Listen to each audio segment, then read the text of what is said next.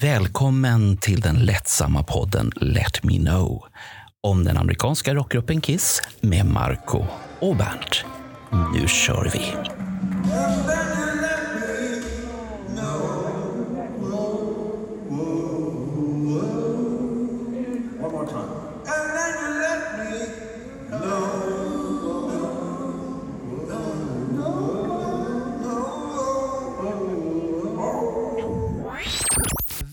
Välkommen till den här serien Kiss i Sverige.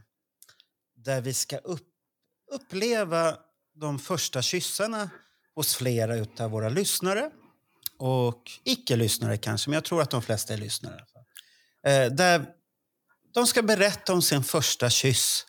Hur den kändes, hur, hur de upplevde den och vad som hände sen med dem också. Vilken väg de vandrade. Och vi kommer börja idag, inte på den första spelningen som Kiss gjorde i Sverige. Den andra, 1976 på Gröna Lund. Och där har vi ju då det här Bernt Månsson som är 14 och ett halvt, lite blyg, på väg att bli byxmyndig. Har säkert eh, fuskkört på moppe fast han inte fick det. Och tyckte att det här livet var spännande. Så hur kom det sig att du ville gå på Kiss, Bernt? Ja du Marco, jag är glad att du ställer den frågan just till mig så att jag får berätta om hur jag upplevde allt sammans. Jag skulle säga att det började ungefär ett år innan när jag skulle gå på Åhléns skivavdelning inne i Stockholm. En av de största skivavdelningarna som fanns. Där kunde man gå i timmar och plocka. För man hade inte råd att köpa allting, men kolla, det kunde man göra. Ja, det, jag- den var ju stor den avdelningen, det vet vi ju. Ja, så där kommer jag. De har en, jag skulle egentligen säga tre väggar med nya skivor. Allt nytt hamnade på väggen. Och jag hade bestämt mig för att gå in och köpa en Sweet-skiva. Den hette Sweet Fanny Adams och den var riktigt jävla tung. För jag hade hört den hemma hos kompisar och jag visste att det här, det här ville jag ha. Okej, det, det, det var det här, det var the shit. Och Då åkte du med tunnelbanan till stan då för att handla den. Mm. Och herre, okej. grus, det här lilla gruset som krasar under fötterna. För det här var ju vårvintern, mars 75. Och då vet vi att man vet inte om det blir snö ena dagen, slask nästa eller så att då låter man gruset ligga kvar på, på marken så man hör det där bekanta kras, kras, kras, kras. Och så mamma som skriker ett Torka av skorna, dra inte i massa grus. Inte när du skulle in på Åhléns väl? Nej, nej, nej, men när man Nej. kom hem sen. Ja, när du kom hem. Jag tänkte väl det, men Ja. det är redan. Det hade, ju, det hade ju förklarat rätt så mycket.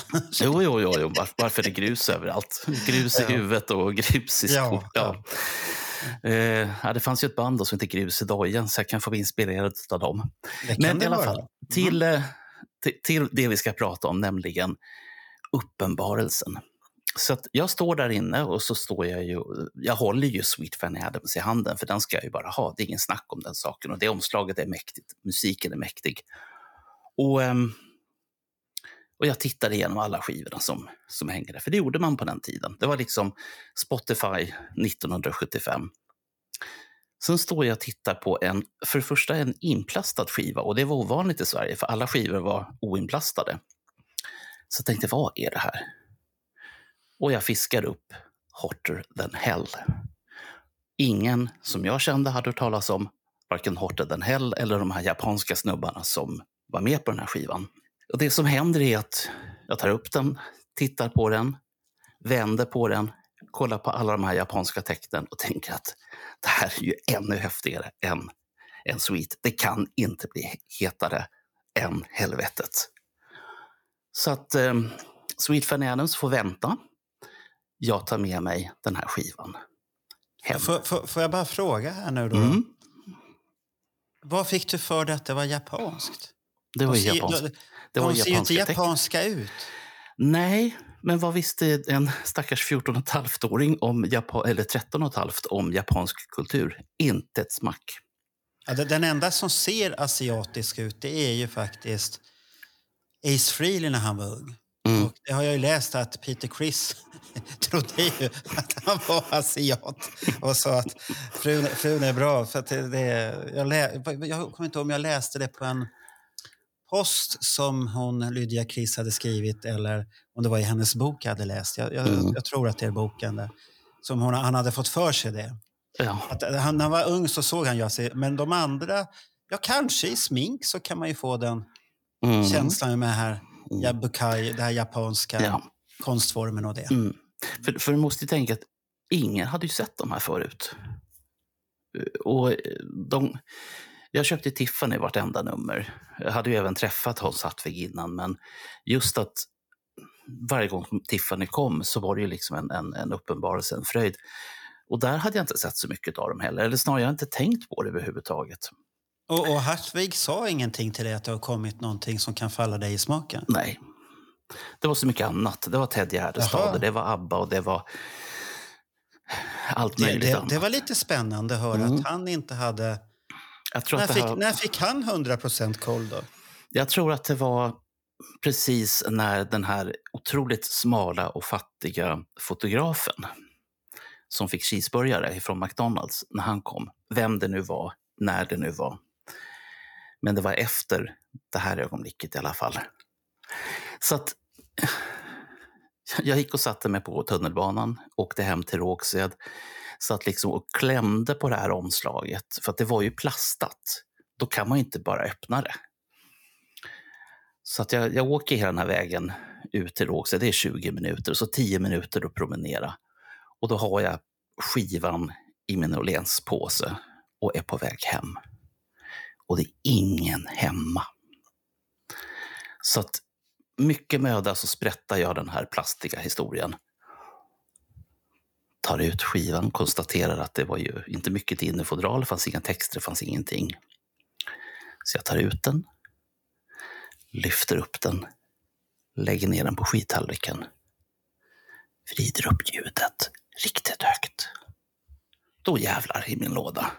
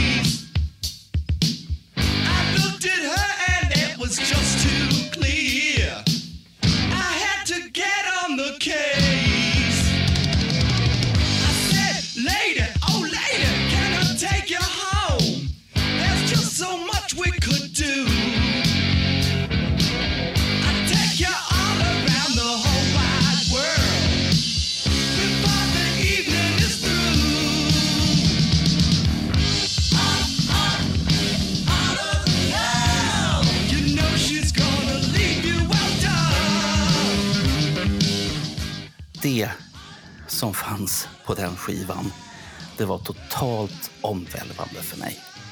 Totalt. Med de låtarna som fanns där. Men, men, men vad, vad var skillnaden jämfört med Sweet då, som du tyckte att det var mer... Ehm, Kiss var betydligt tyngre. Tunga trummor, tunga gitarrer och sen det här att de var japaner.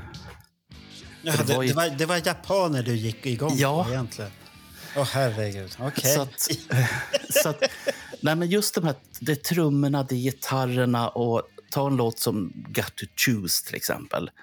Eller på en av de andra låtarna så har du en gonggong som ligger som, som man Mm. gonggongar i. Jag menar, hela plattan var ju japansk. Herre jävlar. Men, eh, och den här, den spelade jag, spelade, spelade, spelade, spelade, spelade. Eh, Man gjorde inte kassetter 75, det gjorde man inte, utan man spelade skiten ur LP-skivorna helt enkelt. Och sen, sen så, ja, sen så vaknade Hattvig och bilder började komma och de är ju bara det häftigaste som finns. Alltså de sminkningarna, den läderutstyrseln. Wow! Ja, det, det var Red Room-grejen då som kom där. Då, då. Mm. Det, var, det var bland det första som kom som affischer, har jag för mig. Jo, men det måste ha varit de som kom som först. Jo, det, det, kan, det, det kan inte ha varit... Och de var ju väldigt förföriska om man säger så. Mm. Mm. Och, och- det som händer är ju liksom att sommaren går också och det är bara denna jävla platta. Sen så kommer Dress to kill.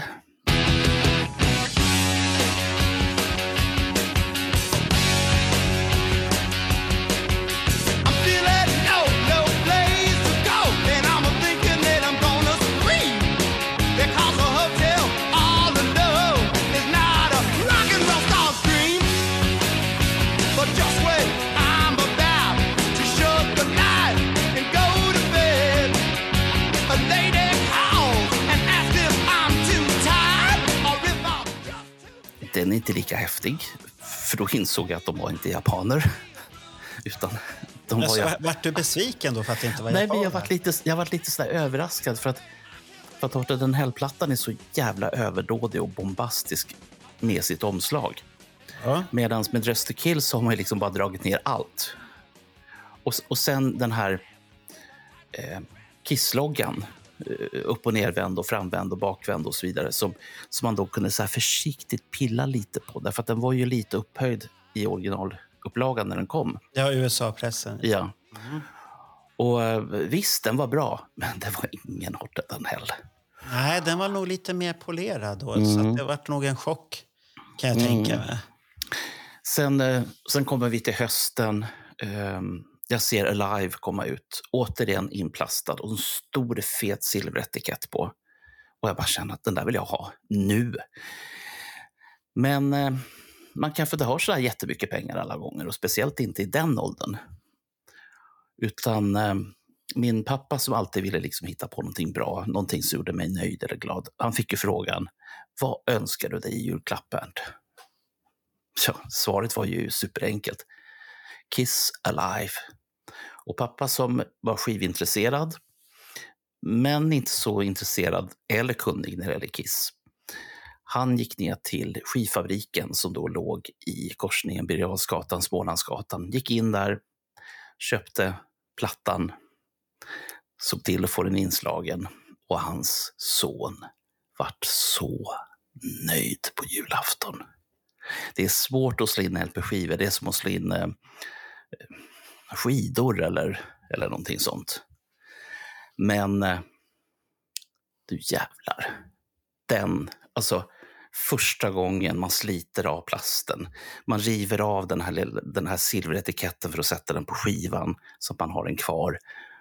Och sen låtarna gång på gång på gång. Hundred thousand years.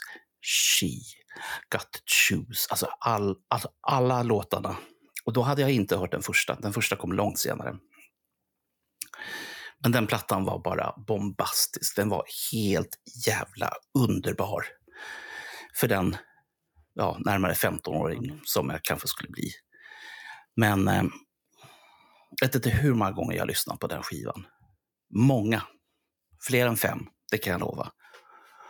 Och eh, sen med den här häftet som följer med och Kiss texter.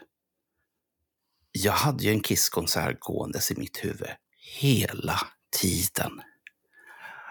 Och eh, 75 och 76 så började jag gå på konserter själv. 75 så smet jag in. Det var, jag frågade inte någon. Jag åkte till Gröna Lund och tittade på konserter. Va, vad såg du då? då?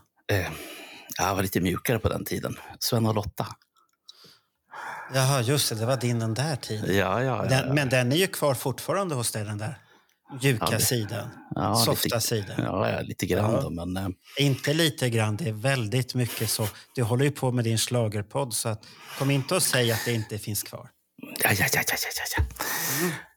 Men eh, så det var mycket sånt. Mycket gå på Gröna Lund. För att på den tiden, eh, för det första kunde man ju fejka sig in. För att om man var under 12 år då gick man in gratis på Gröna Lund. Den här 14-åringen har aldrig varit så liten som när han har gått själv på Gröna Lund. När man får komma in och så får man frågan, hur gammal är du då? 12.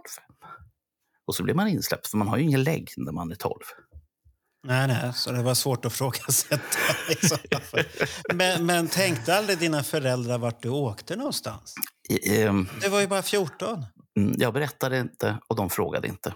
Ja, men du kom ju hem sent. Eller var konserterna tidigare på den tiden? Nej, de var ju så här 19.30, 20. Eh, vi sätter en folkparksturné. Ja. Ja. då är konserten under en timme. Säg att de är klara till nio. Och sen så tar man den här lilla tjusiga båten ifrån eh, Gröna Lund till, till Slussen. Kliver på tunnelbanan vid Slussen, åker hem. Ja, visst, jag var väl lite sen då, men jag kanske glömde tiden eller någonting sånt. Det, det vet inte jag. Tur att mina barn är vuxna, för annars hade jag smält i dem så mycket goja här nu så att det, Fick du vänner som du träffade på konserterna där? Då, då? nej. Som du kände igen? Eller var du en ensamstöring som var där och själv analyserade det du såg? Mm, jag skulle nog säga det. Det är ganska mycket huvudet på, på spiken. Eh, 75 76 då började jag även att komma på att man kan ju spela in konserter också. Så man har minne med sig hem. För att på den tiden så hade vi bara Instamatic så hade vi bara Instamatic-kameror och det var inte mycket att ta, ta bild med, med Men, men vad spelade du in då i då? Eh, jag fick, ehm, jag tror 75, en, ehm, vad hette de på den tiden? Radio Cassette Recorder. Och då fanns det en liten inbyggd mick. Alltså det är en st- stort jävla fabrik på en par kilo. Jag fattar faktiskt inte hur jag kunde släpa in den till stan i en väska, få in den på Gröna Lund. Och sen liksom så öppnar man upp eh, tillräckligt mycket för att ljudet skulle komma in där.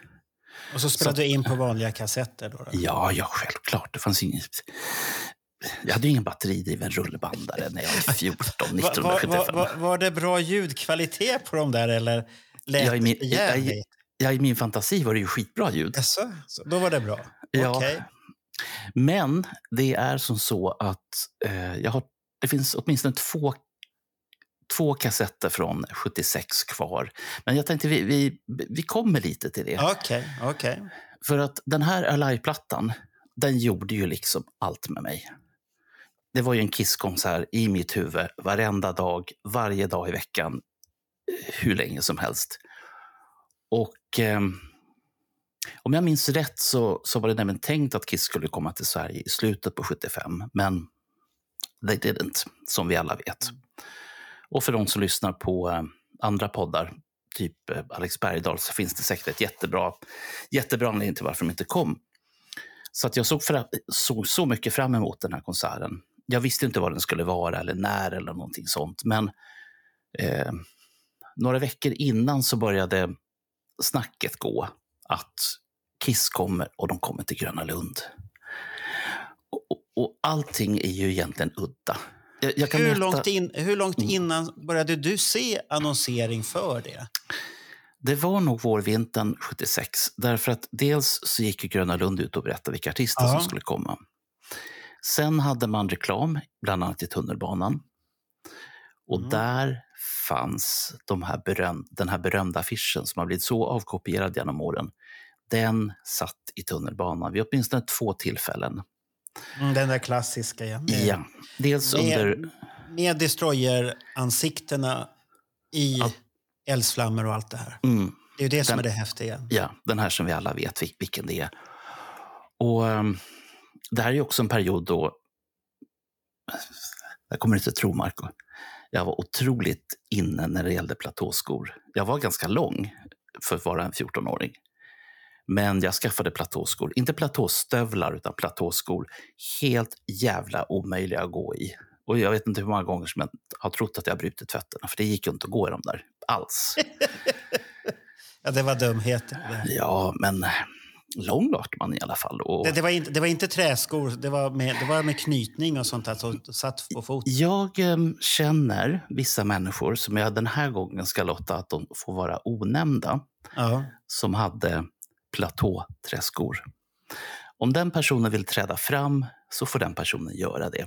Men eh, med, med, hän, med hänsyn till dennas person och närmaste eh, vänkrets så väljer jag att inte avslöja vem det är. Ja, jag, jag, ha- jag hade såna platåträskor. Mm.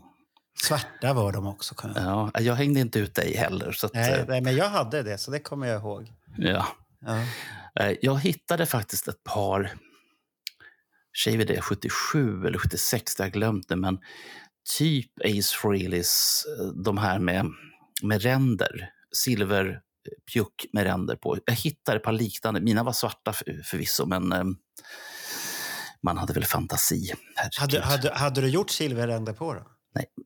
Jag hade Nej. funderat på det, men jag insåg Jaha, det. du, att- du, var, du var inte så vågad. Så att Nej. du, du funderade lagom så här, det fanns i huvudet men inte Mm, för mm. För i så Va? fall så hade jag ju gått ner på Högdalens lek och hobby. Ja. Där man hade små, små, små fina färgburkar som man egentligen skulle måla plastiska saker med. ja, klassiska humbrol som det heter. Mm. Men eh, nej, så, att, så det där hade jag funderat på. Men om vi nu kommer till, till våren och då hade jag börjat att gå ganska mycket på konserter. Sen är det där med att komma ihåg vad fan man har sett. Det är inte... Men, men det var ju med i poster kommer jag ihåg. Mm. Så nu, nu kommer jag ihåg att det var ju med i postertidningen så då såg jag den inte i de här annonserna. Det var ju poster man såg Mm. att det nämndes och det var, det var ju tävlingar också har jag för mig i poster. Jo, det- stämmer. Eh, Poster hade ju en tävling. Och de här killarna, jag har för mig att i Kiss i Sverige så finns det ganska mycket skrivet om, Ja, om det det, här. är det. det stämmer. Det, finns mycket Eh. bild, för det, det, var ju, det finns bilder i boken Kiss i Sverige eh, från spelningarna från Göteborg och Lund. Mm. Jag kommer inte ihåg om det var fanträffs på båda eller om det bara den ena det är fanträff. Det, det kommer jag inte ihåg. Det var ju, som jag, som jag Mm. minns det, det var ju så, så att ehm, dels i boken Kiss i Sverige så finns det flera sidor från um, killar som vann den här teckningstävlingen. Men jag för, jo, men det var nog rätt, Marco. De hade en i Lund också, men av någon anledning, jag kommer faktiskt inte ihåg varför det vart som det vart. Men ehm, de som undrar, ta fram eran Kiss i Sverige. Om inte annat så Mm. hör av er till Marco Rovinen för jag har hört Ja, rykten de, om att de, han de, har... det finns kvar. Det finns kvar. Fast de har Mm. börjat gå åt nu. Så var på hugget. Ja, Mm. men det där visste inte jag någonting om.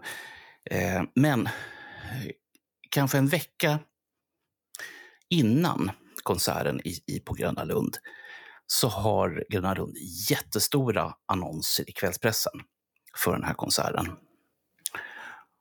Och ehm, vi ska inte heller glömma bort att i eh, mars-april så kommer ju Destroyer. Inte tidningen, utan skivan. Och den, den gjorde också intryck på mig, men, men den gjorde inte samma intryck som Alive eller Hotter than Hell gjorde, för de, de bakade helt om min stackars tonårshjärna. Destroyer var mera... Den var fin att lyssna på, den var välgjord. Det var en bra stereobild. Jag lyssnade ofta med hörlurar på den tiden. Och just det här ljudet i början på Detroit Rock City när en snubbe stänger en bildörr. Det ljudet i hörlurar. Wow. Det är närvarokänsla. Och samma sak när det sjungs i bilen. Och så förstås mot slutet när det händer det som händer. Men eh, hur som helst i alla fall, så den där fanns ju med, men det var ju fortfarande alive i mitt huvud. Eh, Var, var, du, var du inte imponerad av Destroyer på något sätt? Att Nej, jag var inte nu, det. nu har de tagit nästa steg. Mm. Jag, jag, var, jag var störd på en del detaljer. Jag tyckte om omslaget för det var jättefint. Och sen när man drog ut innerkonvolutet fanns det en låttext. En enda Ja. låt. Varför då? Och sen att man skulle gå med i Kiss Army och det fattade inte jag då när skivan kom. Jag fattade sen. Okej. Sen fattade jag väldigt mycket varför. Äh, för för jag, jag tyckte väl att i min vänskapskrets så var det ju fler i skolan som började gilla Kiss tack vare Destroyer. Mm. För att den tilltalade på något annat sätt. Och så var det här polerade ljudet så att antingen hade de inte förstått det innan. Eller så Mm. visste de inte vad det var. Och sen kom den där och det vart lite mer pang på. Mm. Med de här seriehjältarna som kommer och förstört en stad och alltihopa. Och Mm. ute på turné och härjar där. Då, då. Mm. Eller, eller vad de gör. Det, det, jag tror att det är så. Ja. Men det, den, så att det, det ökade ju kretsen och sen var ju poster också väldigt mycket på Mm. vid den här tiden med bilder, matade oss med mycket grejer hela tiden. Så att det var ju det, De- det var de jobbigt. hjälpte- Mm. Nej, men de hjälpte ju till med min inre konsert. Mm. hur, hur de gjorde och hur det gick till innan och efter konserterna. Jag fattade inte riktigt det där med nakna tjejer. Var det liksom innan konserten eller var det efter konserten? Eller när hände det? Jag fick inte in det där i mitt... eh, Det I kommer mitt jag inte panorama. ihåg riktigt, men de är, är de inte från 75 eller tidigt 76, de där Jo, jo. bilderna? Men, Jag, men, jag jag, mm, jag menar så här, i mitt huvud så hade jag ju... Jaha, du, du menar när- de träffade tjejerna där? Ja! Well, I'm full of passion. I don't know about love. You know, you can only love a couple of people, but you can be passionate to a million. Are you love because you're the best of the band with the ladies, or what? Well, everybody does well with the ladies. When you're doing well with the ladies, you keep the makeup on. If, if they desire. You know, it's really up to the ladies. I mean, a good lover always tries to please their their partner. Lovey. You know, so How do you project love on stage? Then? I mean, what's the? I mean, well, we'll see. we'll see. Yeah, we'll see. Jaha, det alla de trodde jag här- att du... Du var ju fan 14 år, Bernt, så det borde du ha förstått. ja, men hormonerna var det inget fel på. Men det var, Nej, hormonerna var det inget fel på. men det var liksom att förstå resten, Aha, om jag säger som så. Det Ja, var ja. ju liksom inga tjejer som kom hem till mig och ville vara i spindelnät och låta mig och mina kompisar eh, tafsa på dem. Det, det, det fanns ju inte. Ja, det var ju tur det. Ja, Hur hade det kunnat sluta då, Bert? Då hade det kunnat gått överstyr för länge sedan. Ja, herrejävlar, säger jag bara. Ja, Ja. äh, I alla fall, tillbaka till plattan. Mm, mm. Ehm, så att Destroyer, visst, jättebra polerat och sådär, men det var, det var konserten som hade liksom matats i mitt huvud ifrån Alive och sen då de grejerna som framförallt Poster publicerade. Och det var ju slutklämmen på Tiffany om jag inte minns helt fel också. Jag har gjort en hel special Ja. om Tiffany och Poster så jag borde veta bättre. Men ja, ja. Ja, ja, men det, det är inte så lätt. alltså. Nej, herregud. Det Det är här är ju, det här är ju en fem, sex år Ja. sedan som det här hände. Så hur hur ska man komma ihåg allting? Vad, Jag vad, kommer- kommer du, vad kommer du ihåg om dagen då? Hur, Jo, bör, hur började dagen? jag kan säga så här. Det började faktiskt redan när Sweet kom. Och det var ju ett par veckor innan. Först Ja, är, de ju... är det den här skandalkonserten som tidningarna hittar på så himla mycket? Mm. Mm. Det, Åh, först, herregud. det första som hände är att den första konserten regnar ju bort. Och eh, man ställer in den konserten och säger kom tillbaka imorgon. Och det var det ingen som gillade. Och där och då så lärde jag mig att om det regnar på Gröna Lund blir det ingen konsert. Vilket sen var helt fel eftersom man har en annan teknik idag. Idag kan det vara Mm. ösregn och man kan spela i alla fall. Men i mitt huvud så regnar det, då blir det ingen konsert. Då går man inte dit. Nej, nej. Jävla dumheter, men så var det. Ja, men så var det på den Ja. tiden. Så att Ja. när Sweet kom då dagen efter, och det var ganska stökigt då också. Och då hade jag tänkt att jag måste ha en strategi för det här, för det här funkar inte. Jag kan inte komma några timmar innan och så får jag stå allra längst bak. Eh, utan platåskor, med vanliga dojor. Och publiken på den här tiden var jävligt vilda. Men jag tänkte jag kommer till det sen när vi kommer till Kiss. Mm. Men, så att jag tänkte att jag måste ha en strategi för det här, för det här funkar inte. Men eh, jag ser Sweet, jag tycker de är, de har en fantastisk konsert. Och sen eh, så åkte jag hem till mitt pojkrum och la upp en strategi. Några dagar innan konserten, som Får, jag sa, får, jag bara fråga, så här, varför la du upp en strategi? Var det för att du hade hamnat på en dålig plats där? Och ja, Så skulle det inte ske igen? nej. Och jag kan säga när jag såg David Cassidy 74, jo, jo, min första stora konsert, eh, så var jag minst bland alla tjejer. Jag såg inte ett skit då heller. Jag var alltså ihoptryckt med ja, men var vi 10, 10 000 pers i den publiken. Och det, det var inte roligt, för det trycktes på något in i helvete. Och man hade ju inga kravallstaket på den här tiden, 74. Nej. Då hade man små rep som man liksom drog. så risken var stor att man hamnade i tulpanlådorna där framme Mm. i sådana fall? Med Precis. huvudet före då? Ja. Okej. Eh, så jag hade då bestämt mig för att jag skulle gå dit tidigt. Av två skäl. Ett, jag behövde inte betala. Två, jag var ju under 12. Och tre, då kunde man liksom gå fram och bara ställa sig längst fram och få timmarna att gå. Men Gröna Lund hade ju tänkt till. Jaså? Ja, alla hade tänkt till, så vi var många som var där innan. Och eftersom det dessutom var en lägre... Det kostade mycket mindre att gå in. Vad fan var det det var? Var det före sex eller före fyra, eller tolv, men någonting i alla fall. Så det varit mycket billigare. Sen kostar det i alla fall bara 15 spänn Mm. på kvällen, men det är ju... Ja, det är som, Ja, det, som det, det var pe- det var pengar då. Ja, så att jag... eh, Jag kommer dit faktiskt ganska tidigt, jag tror kanske runt 12. Ehm, och ska gå fram. Jag tänkte att det är ingen här. Jag kan stå längst fram. Jag hade fel. Så mycket kan jag säga. Det var ganska många. Och de stod allra, allra längst fram, eh, närmast. Jag är osäker på om det var kravallstaket eller vad det var för någonting, men, men de stod där och tryckte mot det här. Och sen bakom dem så hade man satt upp rep. Och sen fanns det flera nivåer med det här med de här repen i alla fall, för att inte alla skulle liksom bara bli tryckta och hamna i, i blomlådorna. Men jag kände bara att det här, det här känns väldigt obehagligt. Jag ville ju se konserten. Jag var ju tokig i Kiss. Men det är fortfarande här, hur jävla nedtryckt vill man bli? Hur pressad vill man bli? Alla på den tiden var ju vilda. Det är bara så. Och de skulle ju längst fram av någon anledning. Så att eh, jag kommer tillbaka lite då och då och kollar liksom hur det är med publiken, hur mycket fler det är och sådär. Eh, jag skulle säga kanske tre timmar innan konserten, då går jag och ställer mig i, i publikhavet. Jag är ganska långt fram. Eh, och, ehm, men det som händer sen, dels har jag min egen, min egna upplevelse och sen har jag intervjuat en kille här i Nynäs som heter Benke. Benke var 16 eller om han var 17 vid det här tillfället. Och han hade också tänkt till. Så han och ett gäng med kompisar åkte från Nynäshamn för att se Kiss. De stod längst fram.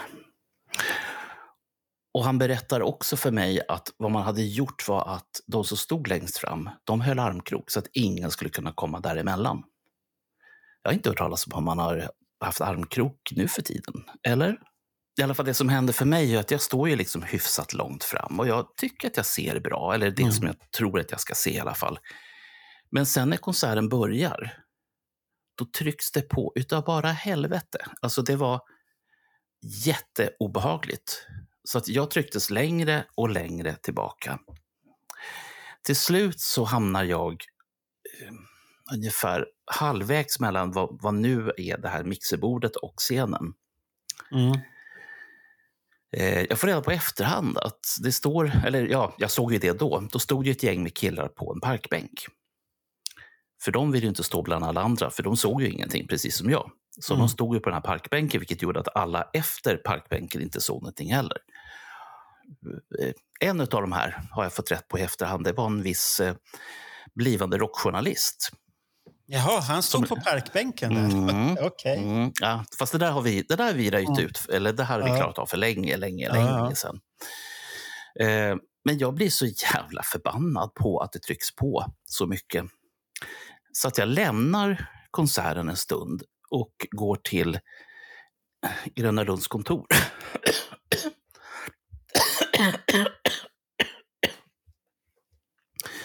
Nej, men jag, jag blir så pass förbannad över att jag inte ser någonting så att jag går till Gröna Lunds kontor och ställer mig där och säger att jag ser ingenting överhuvudtaget. Det är bara folk överallt. Och jag minns vad receptionistan sa då. Hon sa att ja, vad ska vi göra åt det? Ja, men ni har väl vakter? Ni får väl skicka, ut vakter? Jag har betalt. Ja, lite då. För att se den här konserten. Jag väntar på den jättelänge, men jag fick ingen som helst förståelse för det. Så jag går tillbaks och så bara inser jag det att jag är ju tvungen själv att trycka mig framåt. Och jag har ju med mig min väska och min bandspelare, den här stora som du vet. Mm. Det är inte helt lätt att trycka sig fram då.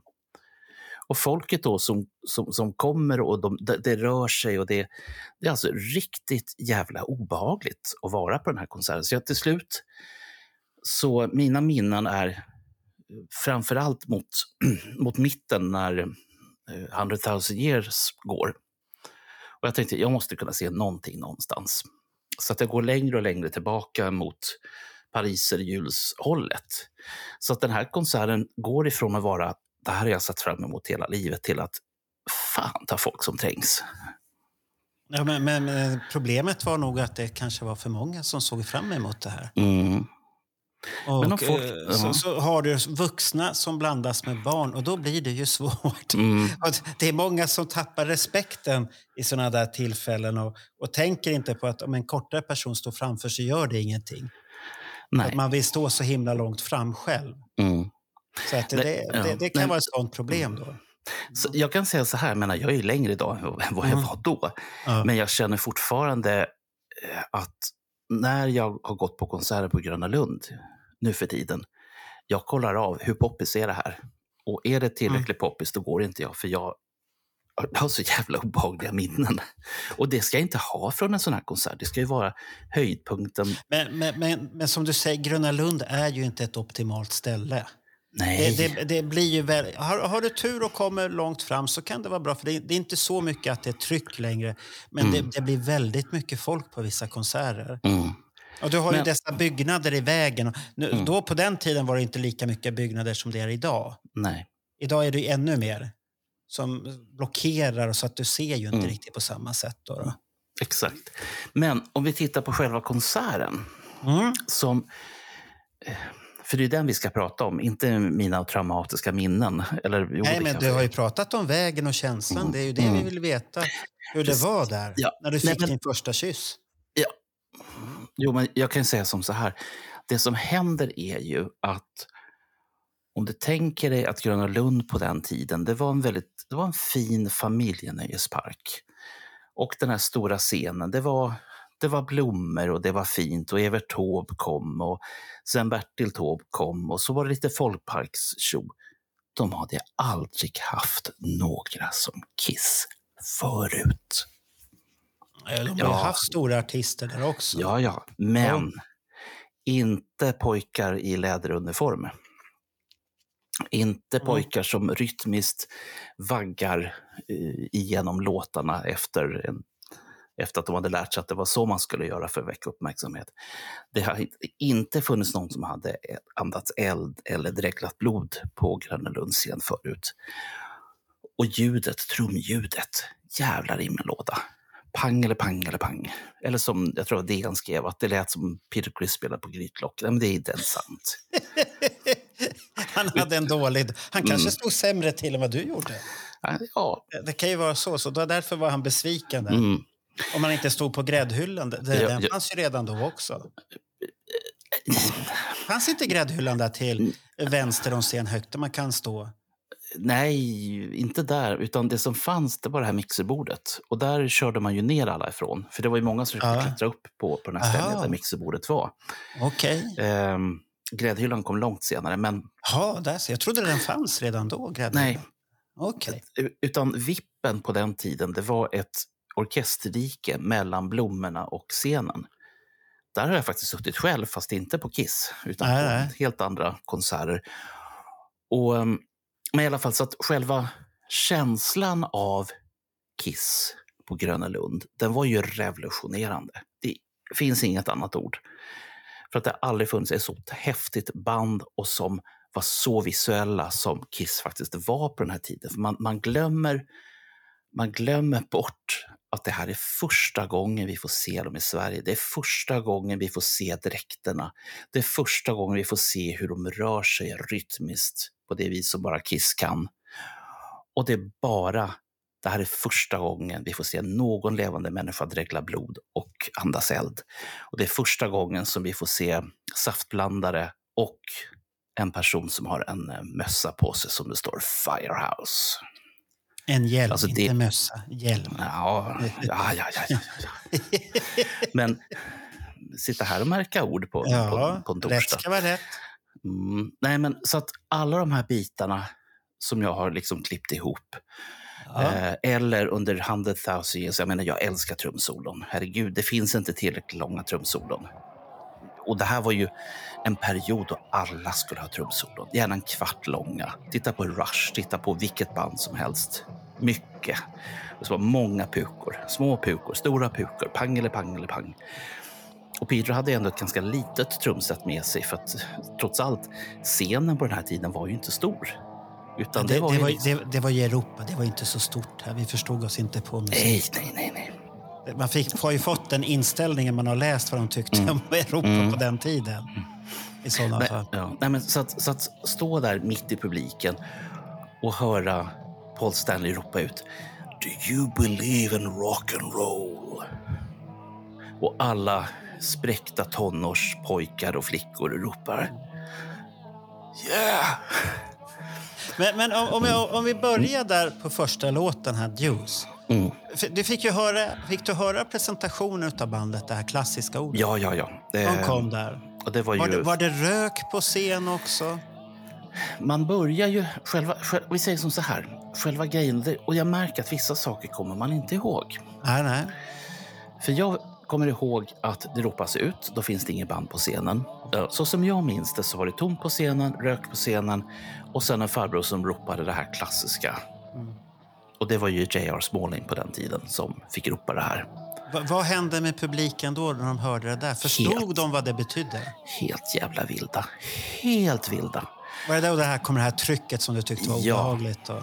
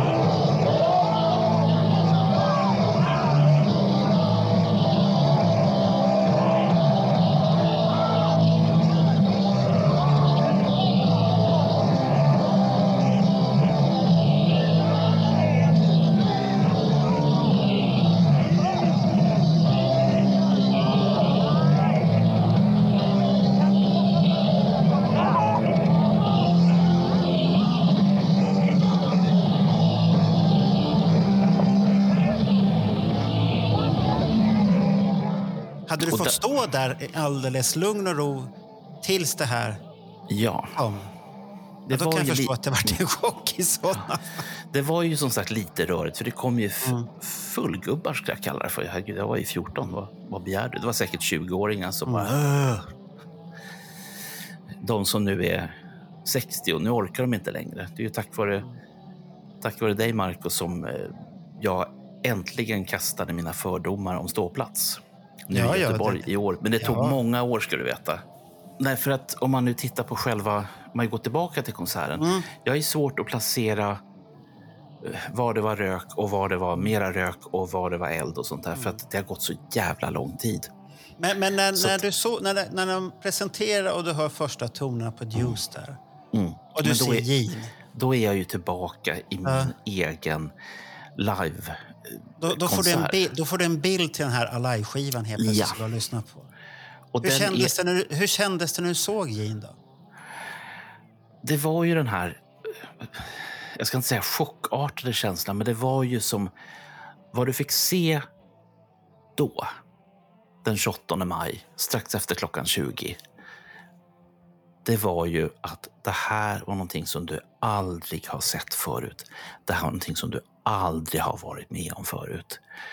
Så att Deuce och Strutter, de bara, de bara försvann i ett töcken av eld och jox. Mi- Mitt i det hela det här när du var, tyckte att det var obehagligt så Mm. skulle du njuta och allt det här. Och, hur, vad- hur, hur uppfattar du de andra bandmedlemmarna då? För att det är ju Gene som sjunger, men sen kommer ju Paul Mm. på Strutter. Hur uppfattar du dem allihopa då? Nej, men de var ju ett, som jag upplever det, samspel. Därför att Mm.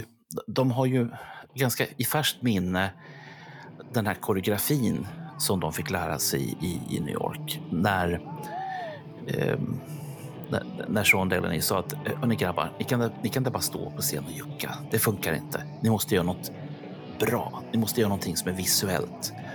Ja, ni måste få ut karaktärerna. Ja.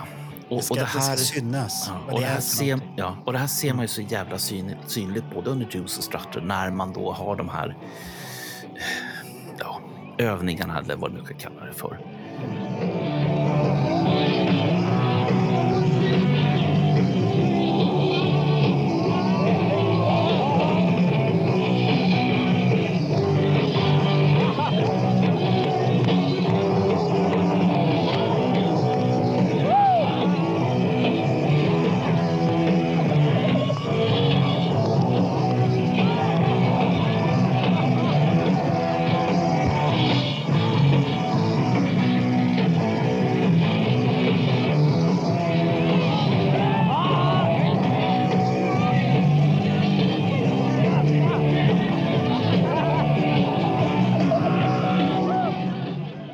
Men sen, sen kommer det en grej som jag tycker är lite märklig.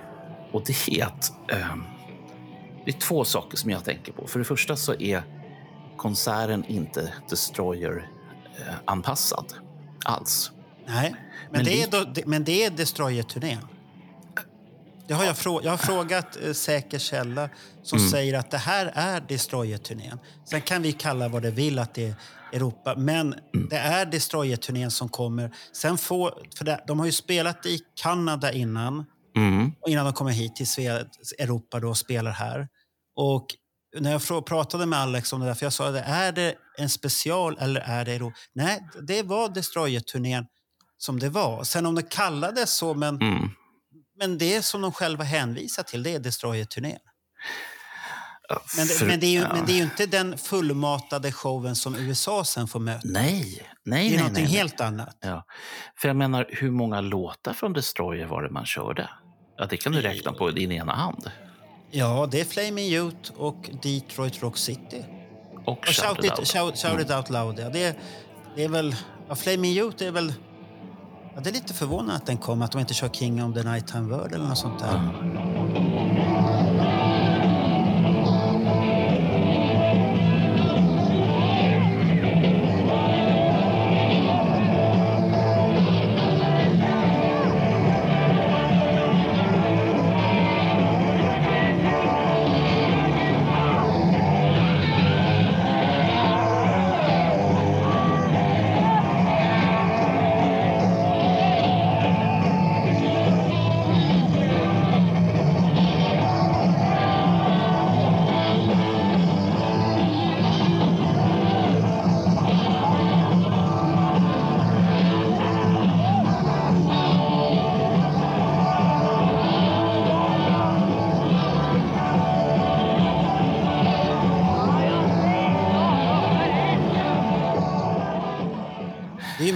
det är inte det Ja, jag ja, menar. Men ja. det, det är lite förvånande för King of the Nighttime World hade ju kunnat börja.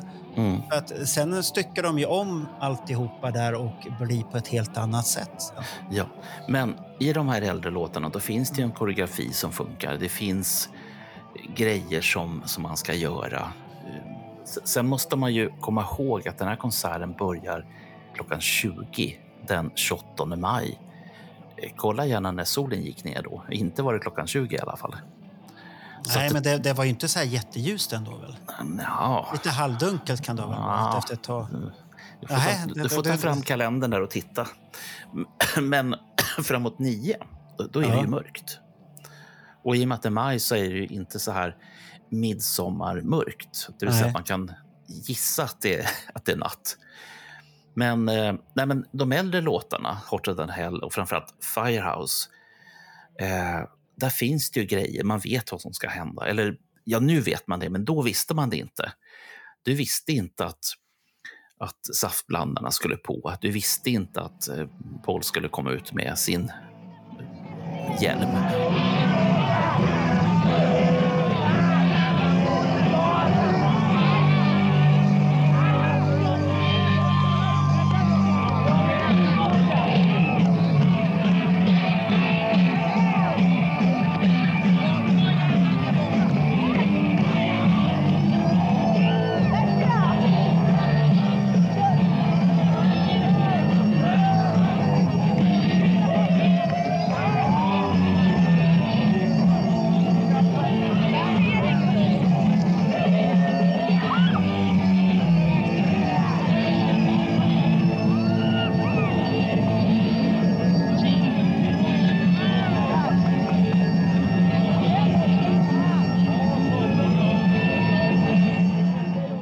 Fortfarande hur många sådana här mössor som, eh, som försvann genom åren. Hur många, hur många de tryckte upp. Eller, det är så här Han konstiga hade, väl, han hade väl en riktig...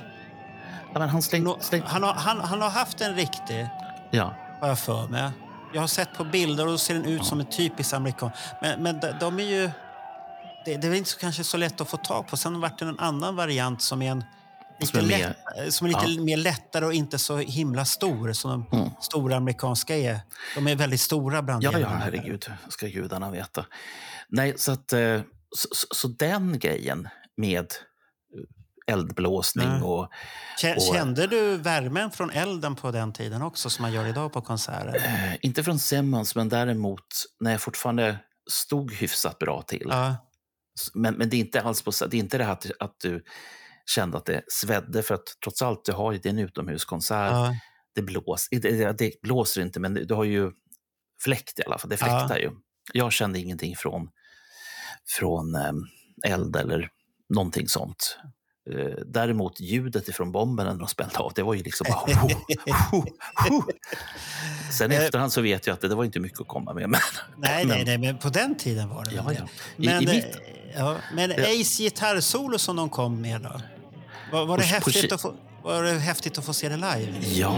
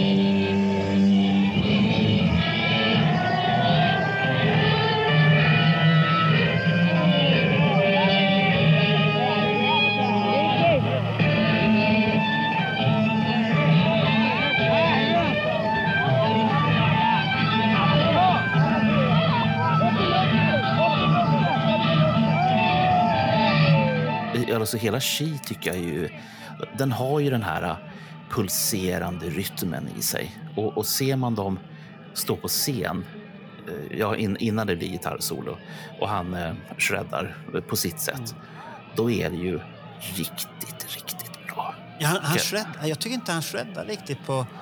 Eh, det är mer, mer klassiskt gitarrspel egentligen. Mm. än än Jag- jag shredding. måste- För shredding kom väl...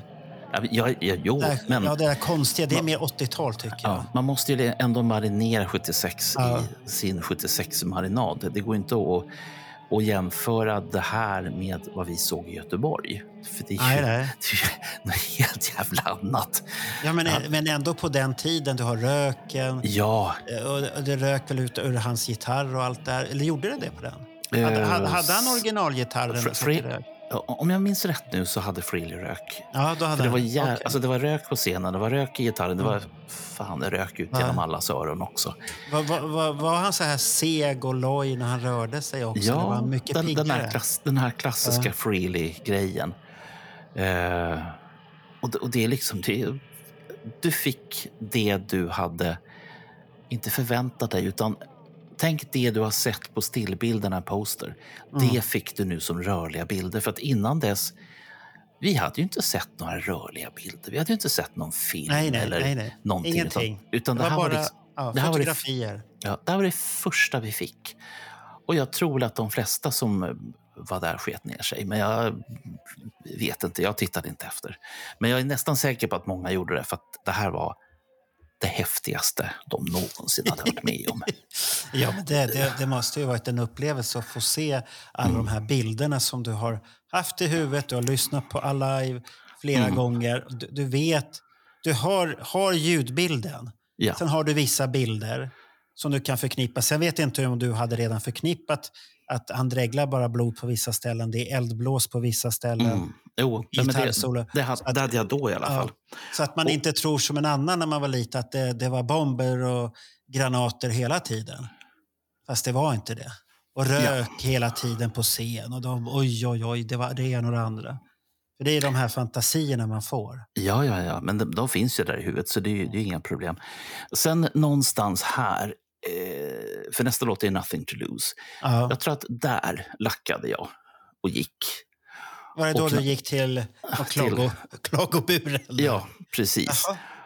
Och, nej, men, jag bara liksom kände, vad fan, det finns vakter, men de gör ju ingenting. Nej. De står och lyssnar på konserten. Jävla... Jag, jag har sett på bilder där när jag tittar på de här vakterna. Då är det ju poliser som står där. Ja. Men det är ingen var, var, eller var det, hade Gröna Lund egna värdar och sen var det polisen som var där också? Ja, så att Både och. Gröna Lund Ja. har alltid haft vakter. Ja. Och man tar Men, men, det fann, men det fanns poliser också som var där. För att Ja. det, kunde, det här var ju farligt, det här var ju hårdrock. Ja, det, ja, ja. Vi måste ha koll på ungdomen. Här. Men det var ju ändå... eh, Om, om jag har snappat rätt nu så var det någonstans mellan 15 och 16 000 pers. Ja, det är rätt så mycket ändå. Det är fett Ja. mycket. Ja. Och eh, jag skulle säga att de allra flesta hade nog köpt sig en Alive, eller åtminstone lyssnat på Ja. den. Och det var det de kom för att se levande. Men när kom du tillbaka då? Jag, Kom, kom du, in, lagom, kom du lagom tillbaka till dreglet här nu? Då? eh, jag, kom, jag kom ungefär in där. Ja, det är bra. Det är 20 pundare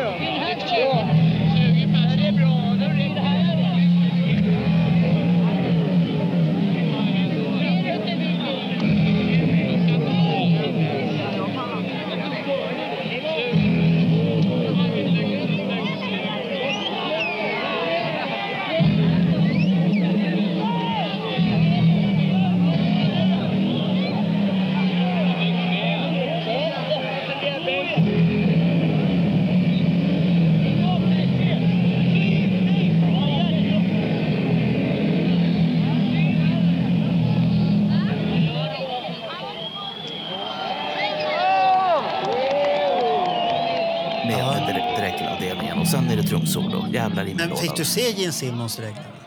Ja. En Ja, kladdig, kladdig jävel som står längst fram på vänster sida. Alltså på, på jeans sida så, som du har myntat begreppet. Men eh, ja. hur, hur kändes det då? Det var ju obehagligt på riktigt alltså. Men varför Alltså- var det obehagligt då? Nej men det... För en normalfuntad man eller tjej, eh, om man ser någon som på något skräckfilmsmässigt sätt skakar på huvudet jättemycket, har väldigt mystiska ljud för sig på sin bas. Och sen ju mer han skakar på huvudet, desto mer klägg kommer ut genom munnen. Man vill ju tro att stackaren är sjuk och behöver hjälp eller någonting sånt. I, idag vet man ju bättre, men, Ja. tänk dig då, 14 bast. Men var det den här typisk 75 med finess? Som Ja. in, inte som på Love Gun där det ser bara ut som det sprutar ut. ja, ja, nej, nej, nej. Utan, så. eh, det, det var med utan- finessen, han sitter och leker med publiken lite samtidigt. Och det, det, det som jag, vad som är på G. ja. Det som jag minns från den här tiden, för jag vet att jag frågade hur det här hängde ihop. Och någon i O'Coins gäng, och det här är förstås inte samma Mm. kväll utan långt senare. Jag frågade liksom hur, hur fixade han det här? Och då pratar man om någon slags ampull med, med blod från 3M, eller något blodliknande från 3M. Mm. Men senare har man har ju haft alla möjliga varianter. Nu är det ju bara liksom en en, ett, ett, ett, jag på att säga en slick, men vad heter det? Ett, eh, en liten mugg med, med lite Mm. rött skit i och sen, eh, sen kör han. Men, Men- men, men, den, den, men då har du ju sett live den klassiska, lite lugnare, med lite finess. Ja. det, det är ju bara det är ju stort. Ja, att absolut. Jag, jag tycker när det kom till... När man fick se de här videorna när de började dyka upp, dyka upp då, då. Och det var ju på den här um, Exposed. När den kom, Mm. den videon. Du får se den här klassiskt när han ska stå och leka med publiken 75. Mm. Leka med bara det- blodet och leka med ja, publiken. och, så, och så rinner det vid, vid ena mungipan och det här. Då är det så stiligt gjort så att det, det, är, en, det är en upplevelse i själv tycker jag. Hela, Mm. Det är en höjdpunkt jämfört med det som kom 77 där det ser ut som att man mår dåligt. Man har varit på en fest och det bara kommer. Ja, men det, det, det är Ja. det här jag pratar om. Ja. Fast, för, för som jag sa, jag är inte, man var ju inte van på, på den här tiden. Och jag menar, Nej, nej. Och jag var inte ens 15. Jag hade inte börjat se barnförbjudna filmer heller. Nej. Det här var innan, Innan videon och allting. innan videovåldet kom och sånt där. Verktygsmördaren och allt annat där man kan uh, borra hål i huvudet på folk och allt vad man nu gjorde uh, enligt de där filmerna. Men, eh, men jag kan säga att det som det som ändå på något sätt var, var större för mig, det var ju eh, dels truppsolot.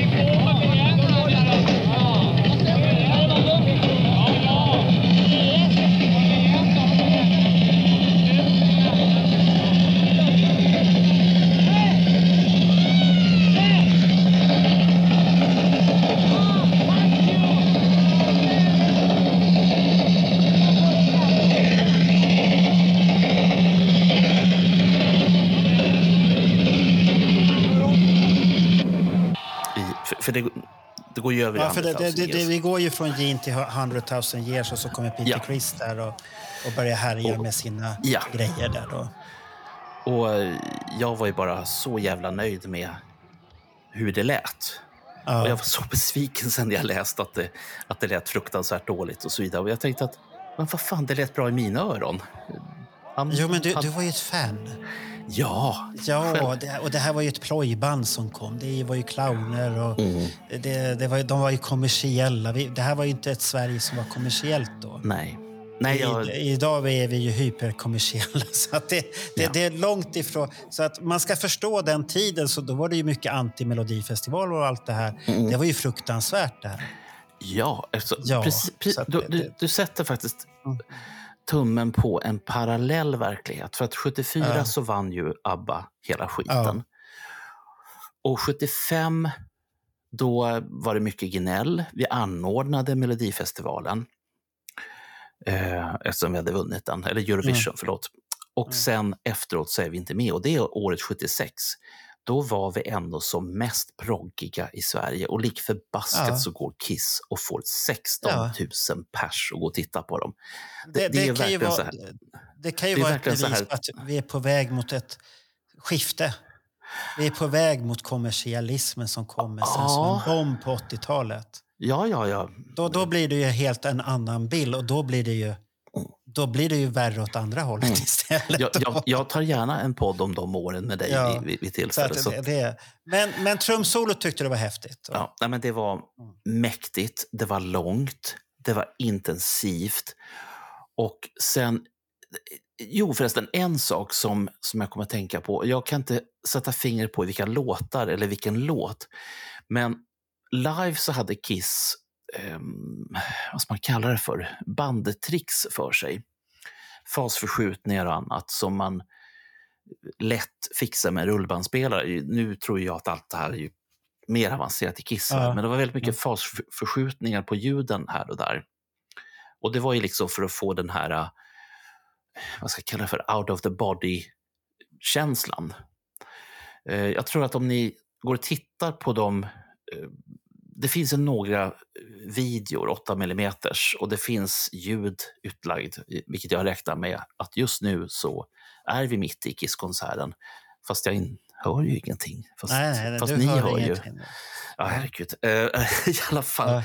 Så att i det här, i livekonsert, om ni lyssnar noga så har ni bandeko, ni har fasförskjutningar, ni har massa såna här live-tricks som band hade för sig då. Som man kanske inte gör direkt Mm. idag, men då gjorde man det. Och, och det var häftigt i sig. Men jag, jag kan inte sätta fingret på vilka låtar det här var. Men jag minns det så pass väl för att vi pratade om det här, en kille som heter Mats Hedström, eh, som då var en glad eh, kille eh, som bodde i Ljungskile utanför Göteborg.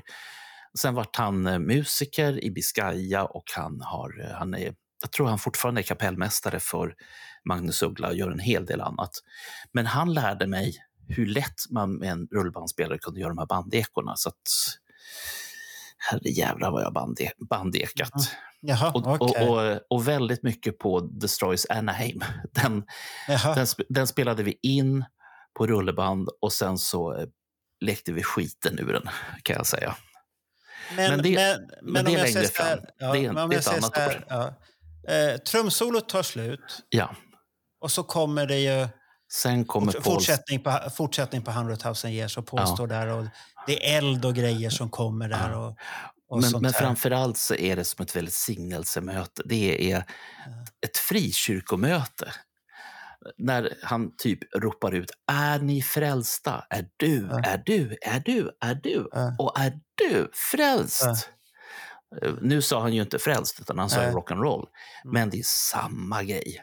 Det var, ett, det var ett väckelsemöte vi var på, när Paul står där och ropar ut Do you believe in rock and roll? And if you do believe in rock and roll, say rock and roll. Mm. Men sen av någon märklig anledning så tar det ändå ett par gånger innan publiken har värmt upp ordentligt så att de ropar tillräckligt högt så att Paul ska känna ja, där satt den. Eh, Var du med och skrek då? Det är klart jag var. Gjorde du det? Ja, Jaha, okej. hade ju kommit tillbaka där, står där som en jävla dum 14-åring och skriker Nej, det, roll. varför ska det, vara, det är väl ingenting med dumt? Det var ju skönt att känslor kommer ut. Det här var ju något du hade väntat på, förberett dig på och nu fick du se. Det det är ju värsta upplevelsen här. Mm. Det är första kyssen du får. Du blir kysst, du blir tagen, du vet Åh, inte vad du har och oskulden för Kiss har försvunnit för gott. Ja, Nu är det kört alltså. Nu är det Ja. bara en nedförsbacke från detta. Eller en uppförsbacke om man säger så. mm. Men, då, men sen kom ju Black Diamond efter det. ja, Ja. och den tar ju aldrig slut live, i en live-version. Den bara fortsätter i all jävla oändlighet. Men, men, men den är inte så jobbig som den var på den här uh, Ronny-podden vi hade här när man tog upp lite olika grejer. Att de höll på i fyra minuter och, och försökte få ett slut på Black jag, Diamond. jag, jag minns bara rök och slå sönder gitarr. Ja. Det, det är allt jag minns ifrån den kan jag säga. Sen vet jag ju hur Black Diamond låter. vad, vad, men- tänk, vad, vad tänkte du på när han hade sönder gitarren då?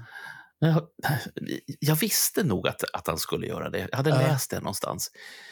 Men, och, och jag tänkte så här, dum som man är, vad gör han så där för? Och sen någonstans i mitt bakhuvud så hade jag sett eh, någon, någon eh, video med The Who. Mm. Eh, för Keith Moon var ju en sån här går lös på allt, åtminstone enligt den här filmen. Eh, det var ju lite musik vi fick se på tv och definitivt ingen, ingen hård musik. Men eh, jag minns att jag hade sett någonting med The Who och Keith Moon som bara sparkar sönder allt som har med hans trumset att göra. Vilket även Peter Criss har gjort vid något enstaka tillfälle. Det har inte ingått i showen, då han var bara varit jävligt sur tror jag. Men eh, så att, äh, men den är, den är skön. Väldigt, väldigt skön. Mm. Och eh, det åkte, åkte det upp något trumgrej? Åkte den upp? Du, inte som jag minns.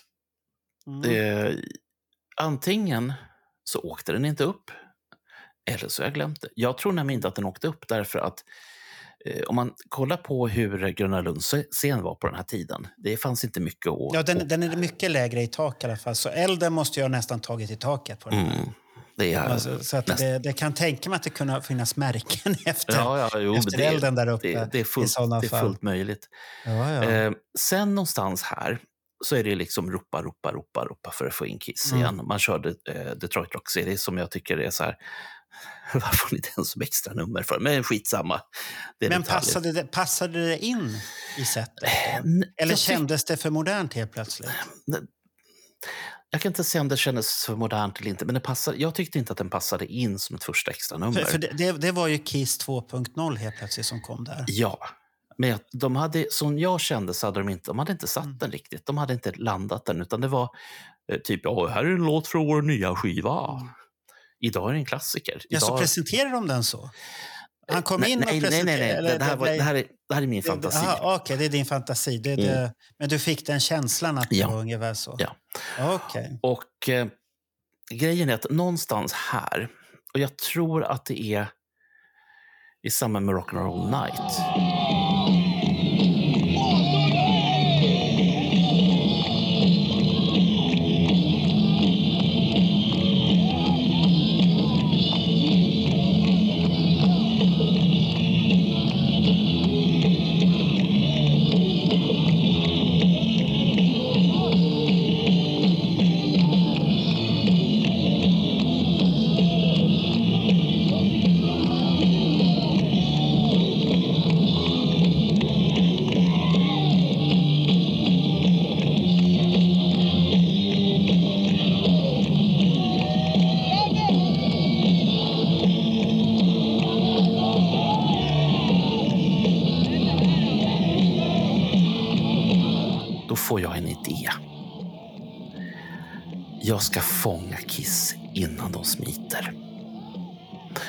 Som jag hittar ganska bra på Gröna Lund så plöjer jag mig igenom den här jävla folkmassan och folk flyttar inte på sig heller fast man säger åt dem. Det är hopplösa fall.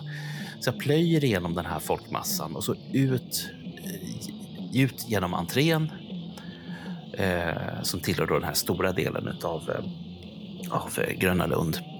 Och sen så finns det en gränd som är mellan den lilla delen på Gröna Lund och en stor. Och jag far in där i full fart och full karriär.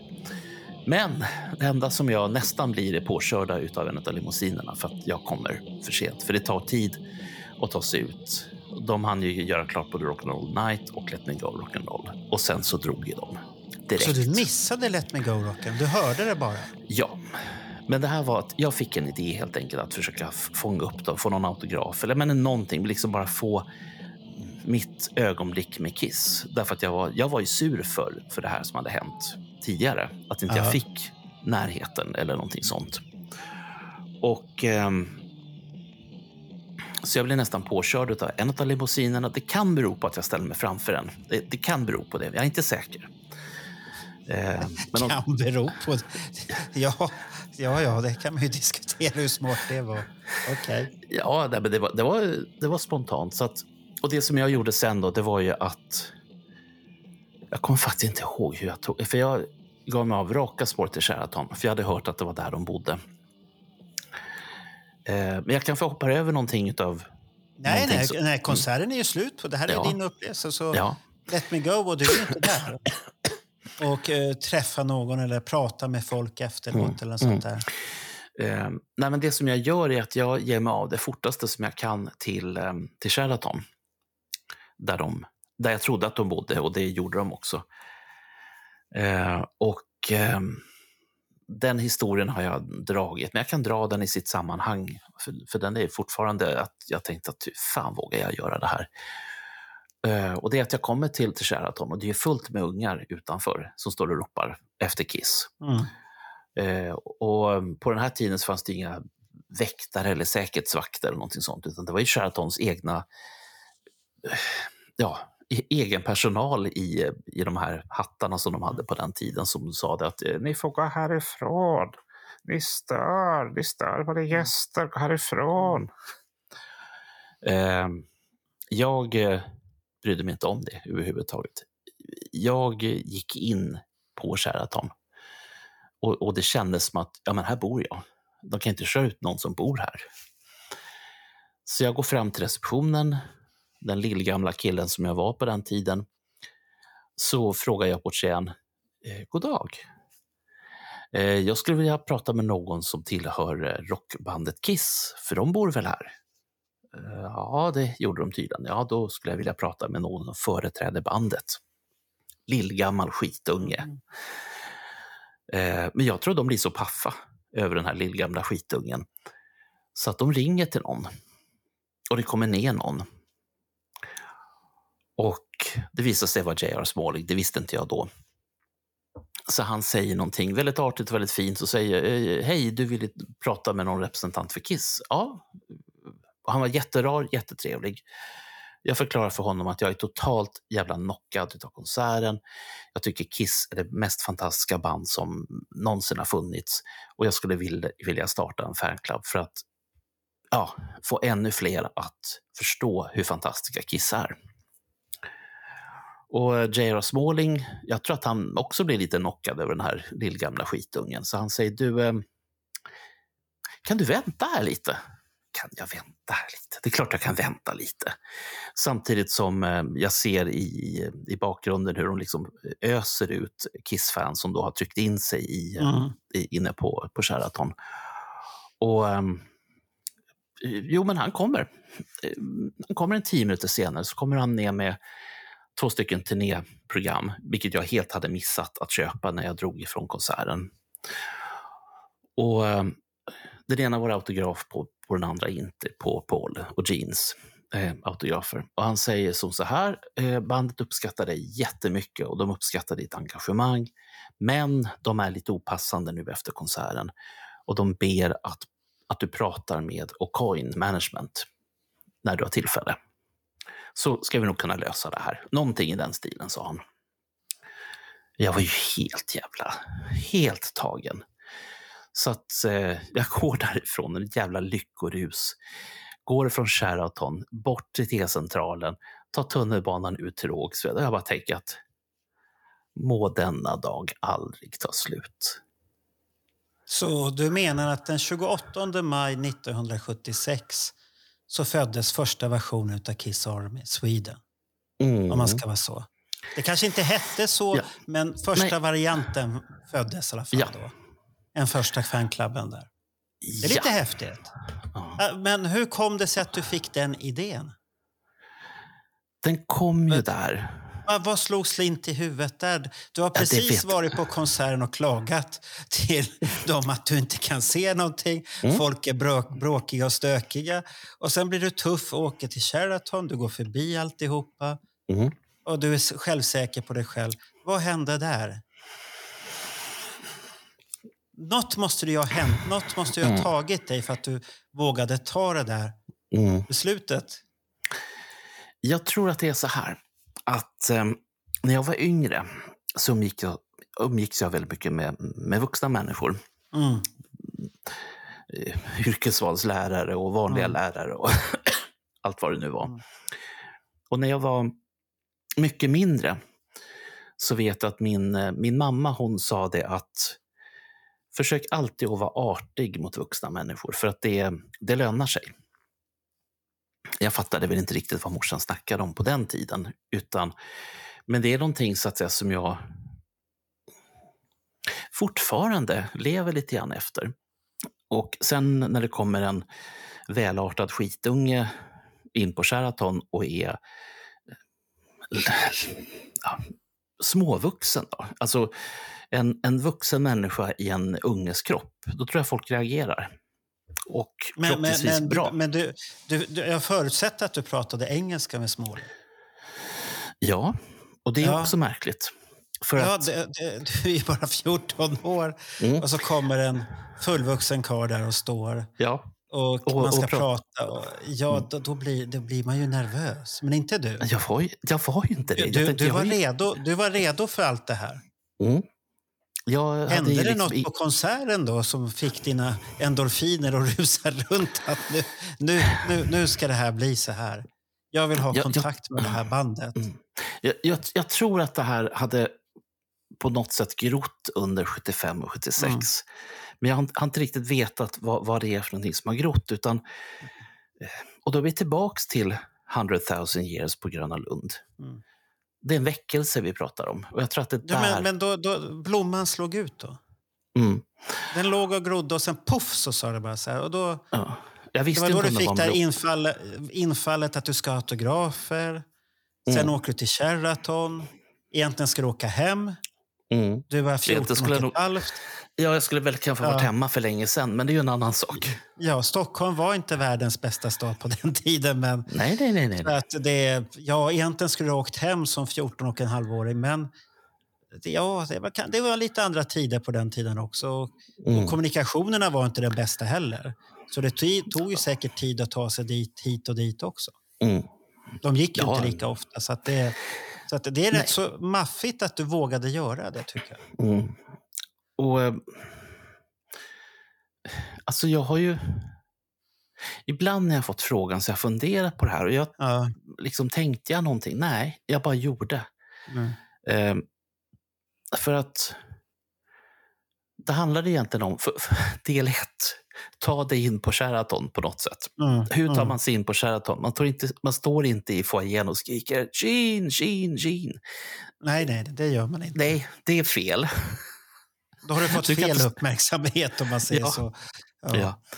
För då blir du utkörd istället. Nej, men jag tror helt enkelt att det handlar om att är du en lillgammal välartad eh, pojkvasker eh, eller tjejvasker så kan du komma långt. Jag, jag minns ju, eh, jag är osäker nu på, jag tror att det här är 80 det här måste ha hänt. Eh, du kommer gilla den här storyn, alltså det är bonus det här. Eh, då hade någon på, om det var O'Coin eller Bootwell, tipsat om mig. Och eh, Angels manager har en privat resa till Stockholm, Grand Hotel. Snyggt ska Mm. det vara. Och han hör av sig och frågar om vi skulle kunna träffas och prata affärer. Vad var Mhm. jag, 19? och liksom, Ja. ja, du är Alltså, så- myndig i alla fall nu, Ja, så nu ja, kan ja. du prata affärer. ja, jag tror att det här är sommaren 80. Mm. Så att jag, jag, ja, men jag bokar ett möte med, med honom och eh, vi träffas på, på Grand där han bor. Eh, han frågar lite grann om fanklubben som jag har för Kiss. eh, Vad jag har för vana, vad jag har för erfarenheter, hur jag är med på att planera saker. Men fan, jag är 19 år, jag vet ju inte ett skit om någonting egentligen. Men fanclub kunde jag tydligen mycket om. Så att han, eh, han sa att vi, vi planerar att eh, eh, vad heter det? Se till att Angel blir någonting jättestort i Europa och då skulle vi vilja ha med dig på den här resan. Ungefär så. Eh, och jag vart ju alldeles till mig trasig. Jag visste inte var jag skulle ta vägen någonstans. För att jag har aldrig varit med om någonting sånt. Att liksom, det- det, hade varit ungefär som Bill O'Coin hade åkt till Sverige för att träffa mig och prata fanclub. Det är, det är på samma häftiga nivå. Ja, det, det kan jag tänka mig. Sen, sen händer det någonting som inte någon har kunnat förutse och det är ju att Angel splittras. Det var Och tack så- vare Bernt det. Ja, det måste ha varit det. För att du kunde inte driva fanklubben. Aj, aj, aj. Ja, nej, utan det var så, att han, han eh, vi hade träffats, vi, skulle, vi kom överens om att vi Ja. skulle ja, följa, följa upp det här. Och strax därefter så splittras Angel och då, han hörde av sig strax innan och sa du, eh, det är lite jobbigt här just nu. Jag har inget band. Jag, har, jag är manager för ett band som inte finns. Ja, ja, herregud. Ja, ja. Men jag satt och funderade här. Vad hade hänt om du inte hade gått på konserten? Vi säger att någon, du hade varit Ja. sjuk eller din mamma Ja. hade stoppat eller något sånt där, eller du kom inte in. Ja, du. Hade Hade du, bli, hade du blivit lika biten utav Kiss ändå, fast du hade missat 76? Aha, du menar så? Ja, Den frå- ja. Jag tänkte mest bara, vad, vad hade jag gjort istället? Ja, men jag hade väl stått på klock och flippat burgare och jobbat på posten och sorterat brev. Det är väl ungefär vad- vad jag hade gjort. Det, Men, det men, men, men du hade inte, du, hade du tappat Kiss då? eller? Nej, det tror jag Men det, inte. men det för, kanske för, inte hade varit på samma sätt? Jag säger som så här, musikintresset. det har ju, Mm. mitt, musikintre, mitt, mitt musikintresse har ju varit starkt så länge jag kan minnas. Eh, Jag menar, det började redan som femåring när, när jag lyssnade på Hepstars och Beatles. Det var ju liksom bara yeah. Eh, Så att jag har ju alltid haft ett, ett engagemang för grejer och jag tror på att antingen så kan du bara vara passiv lyssnare eller så kan du göra någonting utav ditt, ditt engagemang. Frågan är bara vad. Det är svårt många gånger att sätta fingret på hur kan du vara med och bidra?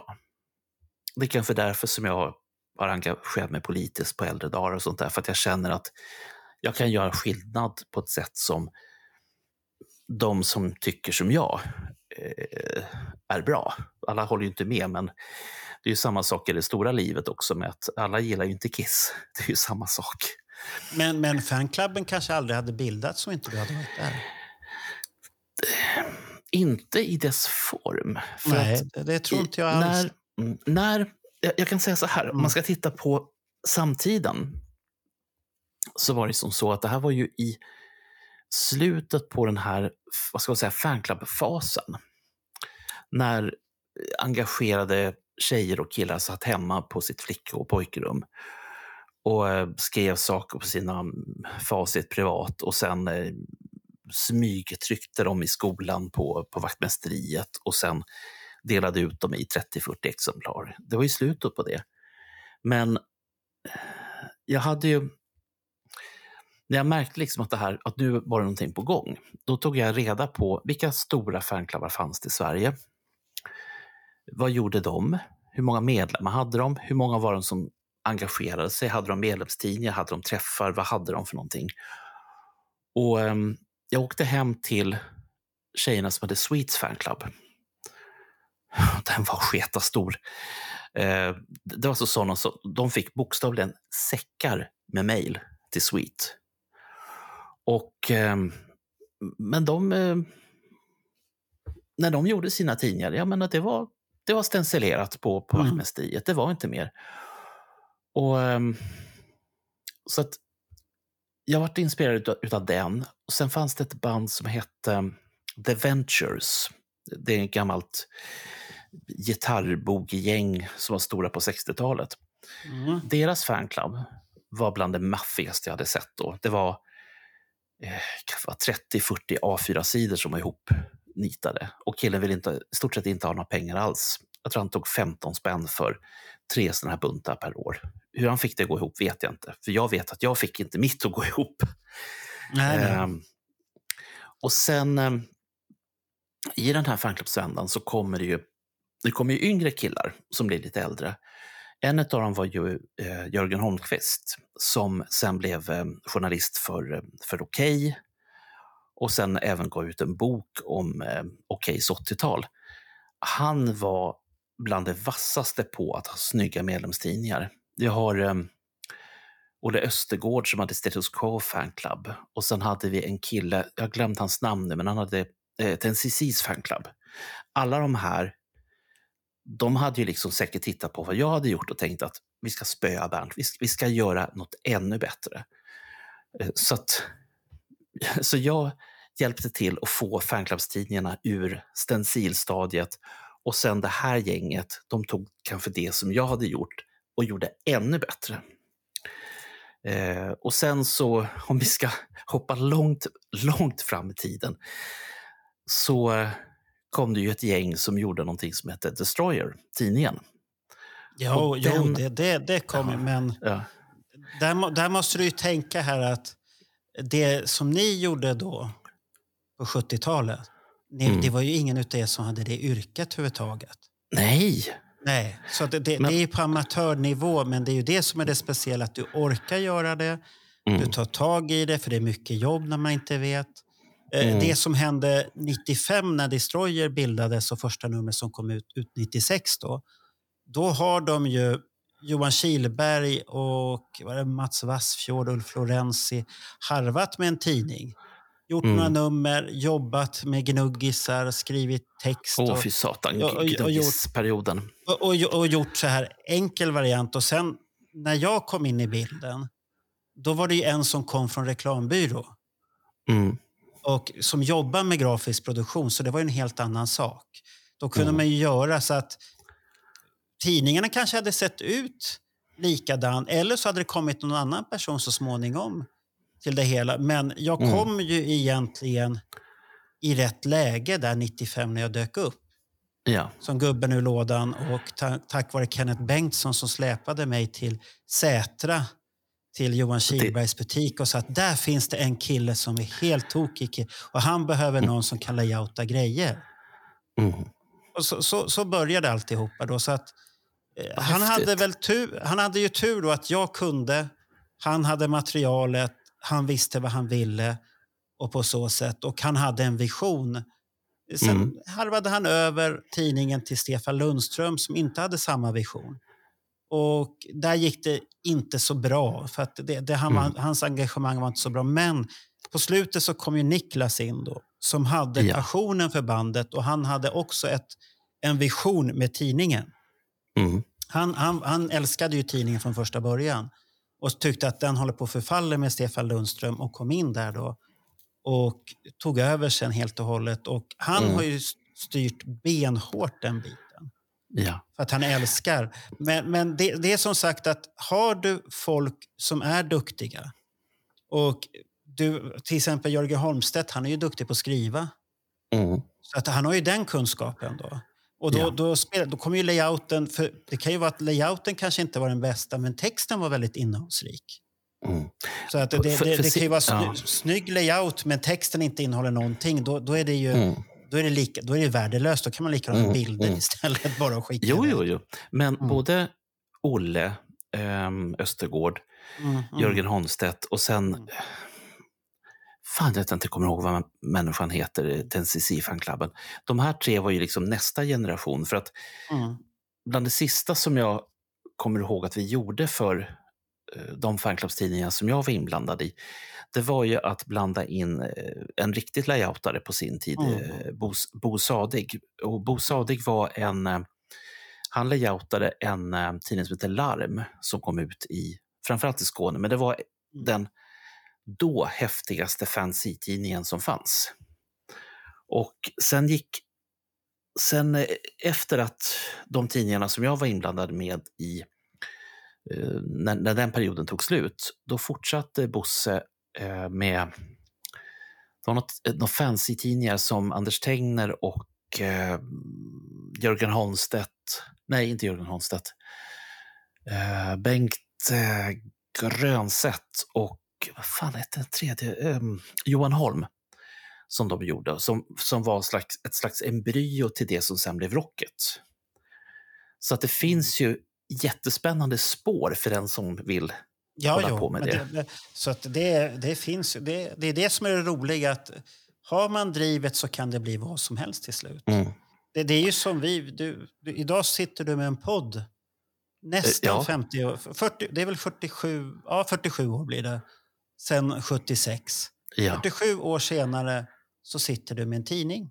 Mm. Eller nej, nej, inte en tidning, med en podd med det. Ja, ja. Ja, där du sitter Men- och pratar om Kiss då. Så att det är ju rätt så, då, då har du gått, tagit, då har vi tagit den här fanclub-tidningen till nästa nivå egentligen. Mm. Mm.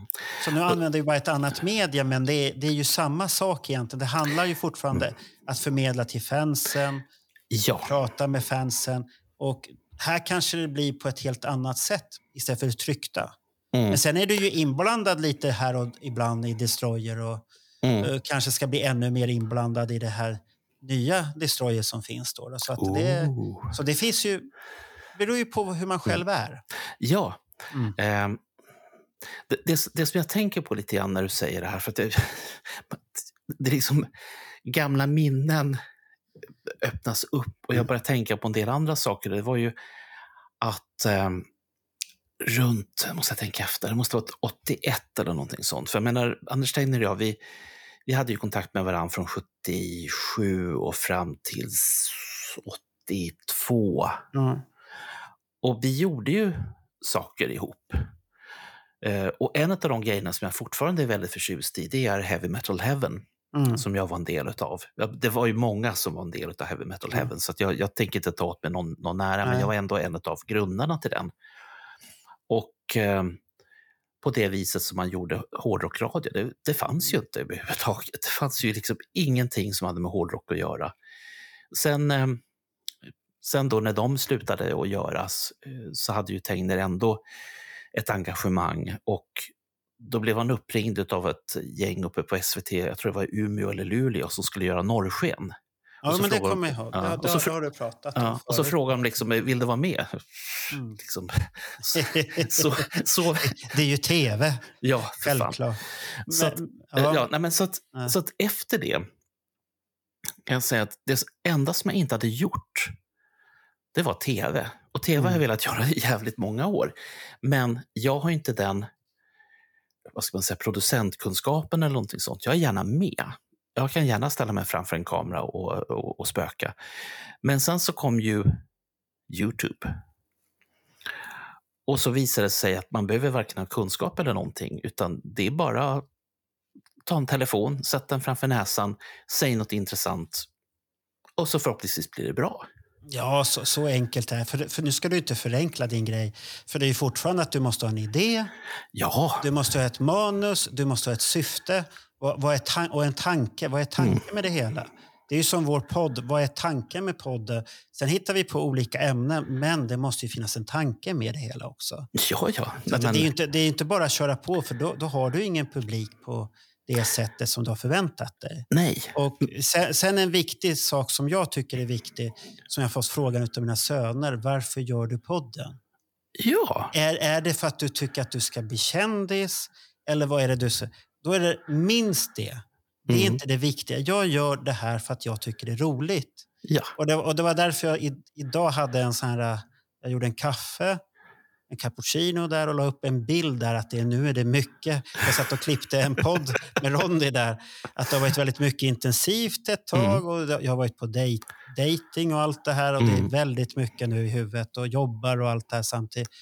Och då känns det som det är mycket och då skrev jag bara för, och då skrev jag bara och min fråga var inte att vi skulle göra mindre. Vad tycker ni? Ska vi skära ner på antalet? Mm. Och då fick man säga, ta det lugnt så ni inte går in i väggen. Det var inte Mm. det som var meningen. Nej. Jag ville bara höra att, att ni inte tyckte att det var för mycket avsnitt. Mm. Så jag kanske formulerade mig fel där, men, men jag fick respons på det i alla fall. Att Ja. de tyckte om oss och allt det här. För att, som jag sa till mina grabbar, syftet med det här är att jag tycker det är roligt. Mm. Och jag, jag är nyfiken av mig. Jag, jag ska också kunna göra Youtube. Jag har Mm. en plan på det. Men jag är inte den som... Jag, jag lockas inte att vara framför kameran. Visst, jag kan vara framför kameran, men det är inte mitt huvudsyfte. Mm. Jag vill hellre då stå där och producera och ha en idé. Mm. För det har jag. Idéer har jag hur mycket som helst. Så det, det bara sprutar ut idéer i huvudet. Ja, det, det, är ju fantastiskt bra. Ja. Och, och, det att- har, och det har ju ändå ett... Grafiken i dig Mm. får ju göra... Den får ju fortfarande vara Mm. grafiker, fast Mm. istället för vad heter det, bilder så är det Mm. film istället. Ja, ja. Så Eh. att, nu, nu har vi kommit väldigt långt ifrån din första upplevelse. Men om man sammanfattar din första kyss så skapade din första kyss där med Kiss på Gröna Lund 76. Och den har gjort någonting att du startade en Kiss Army Sweden, första versionen. Mm.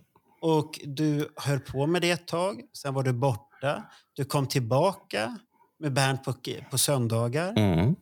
Och sen har du startat podd.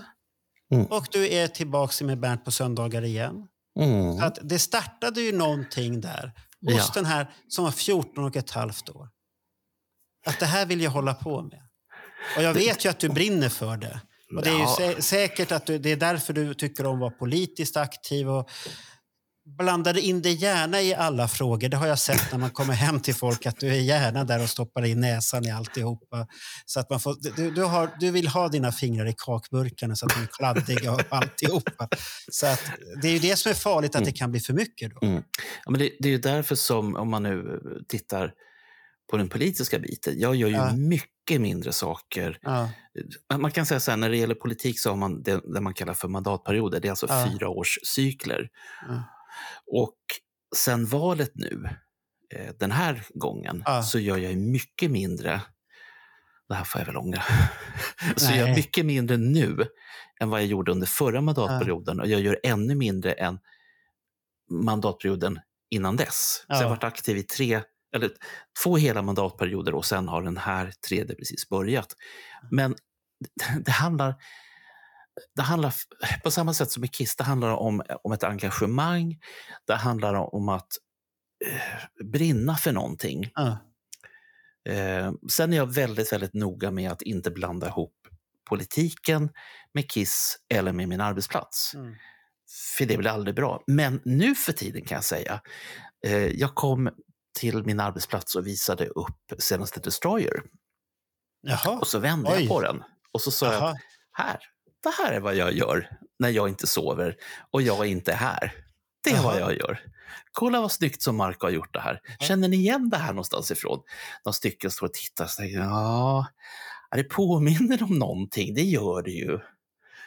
För, för er nu som inte har Destroyer-tidningen så får ni faktiskt skylla er själva den här gången. Men, och så står de och tittar på, på den här bilden så säger de det, ja, men, jag känner igen den här från ett annat sammanhang. Ja, det, så kan det kanske vara.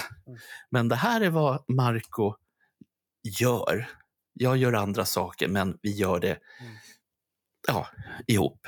Jag är inte grafiker. Jag, jag står gärna i, i, eh, i ett mörkrum och håller på med reprokamera eller drar raka linjer med, eh, med eh, Eller syns framför kameran, pratar, älskar att synas. nej. Älskar, älskar att göra sig hörd. Du älskar den biten. Alltså, Det vet jag att du gör, så sitt inte och var ödmjuk här för du, Marco. du är gärna med på den biten och sånt där. Det är väl det som är så lätt, lätt producerat att göra med dig eftersom du tycker om den biten. mm, ja, ja, ja. Då är det ju jättebra. Och så har du en som föder, matar dig. Det här, det här och det här. Och, och du, åh, det blir Men, bra. men, men liksom vi, vi är... För det första så är vi ett team som jag tycker Ja, funkar jävligt bra. För du är otroligt lättpratad när vi sätter igång. Och egentligen, så, vi har pratat om det här förut, att egentligen de gångerna som vi pratar telefon med varandra, det borde vi spela in. Allt. nej, det, det ska vi inte spela in. För då är det andra farliga samtal där också som inte ska spela in. Ja.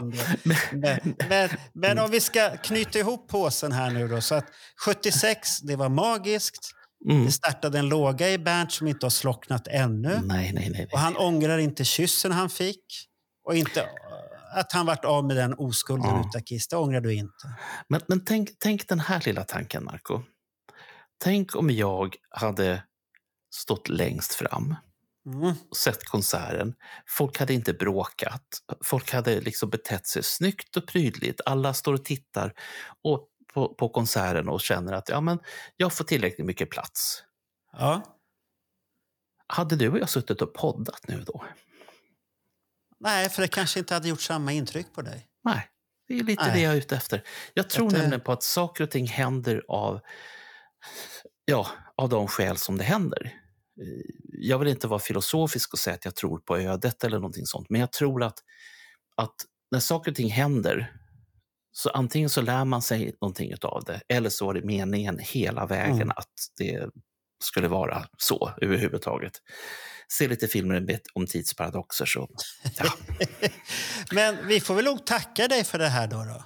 ja. Bernt. Men hörru du, tack- ja, Eh, Jag, jag har en liten, jag har en liten, Ja. liten fråga till faktiskt. ja vad, vad har du för fråga? Jo, jag skulle bli intervjuad. Jag tycker inte jag blivit intervjuad. Nej, för du ska bara prata om dina minnen.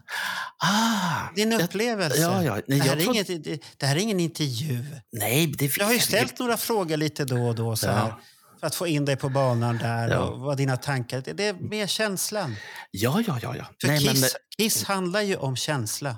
mm, absolut. Vad du Men- känner när du ser det här spektaklet, hur det tar tag i dig eh, och d- känslorna som blommar upp. Vi kan Mm. bli positiva, vi kan bli negativa på vissa spelningar när vi tycker att nu var det inte bra, nu är vi besvikna på pojkarna och sånt här. Mm. Så att det finns mycket känslor och det är inte alla band som skapar så mycket känslor. Nej. Det- och det är det som är unika med den här Kissresan vi gör nu i Sverige här att vi började med dig och så Mm. kommer vi ut. Vi har redan massvis med fasta till andra också. Mm. Det finns lediga datum. Så hör av er så får vi se. Men annars om det inte... Jag har några på 76 som vi ska titta som jag ska Mm. prata om. Och komplet, de kommer komma till som extra, hur, så får vi se vad det blir. Mm. Men vi, jag, på den ena måste vi verifiera lite vad det är för någonting. vad, vad är det här? Är det äkta eller inte? Jag vill inte ha någon som bara vill säga massvis med saker så är det bara blaha blaha alltihop. Men, men då blir det ju som med boken Snöret utav Ja. Lars. Ja, det, det kan bli att de kastade blod hit och dit och det kom flygande köttstycken för att man blandar ihop konserver och allt möjligt. Det vill vi inte ha. Vi vill ha rena upplevelser Mm. och så. Och skulle det inte bli någon mer 76, då blir det 80 nästa gång. Mm. Och då blir det väl... Jag har för mig att i Stockholm har vi Kilberg Ja. och jag. Då kommer vi, han och Ja. jag sitta och ventilera våra känslor för att vi har säkert olika. Han sprang ju backstage och larvade sig och allt det här. Mm. Och jag tittade som vanligt en person som då hade tappat lite intresset för Kiss. Så det är lite Aha. intressant på det sättet. För då, det var inte riktigt min grej då. De hade Ja. gjort mig besvikna, pojkarna. Ja, ja, ja. Och, och ändå se den också. Att det, det är intressant. Och sen Mm. har jag för mig att när jag titt, vi ska titta här att 80 i Göteborg så har vi ett, där har vi ett riktigt monsterläge. Där, där har jag är- varit. Där, har du varit där också? På? Då, då, då kan du vara med och prata där också lite och, ti- och kolla de här pojkarna att det stämmer det de Ja. säger. Så att det, det inte svamlar iväg. Men annars på 80 här också, det är det Stockholm, Johan Kihlberg, Bernt Månsson och Marco. För vi var alla tre där.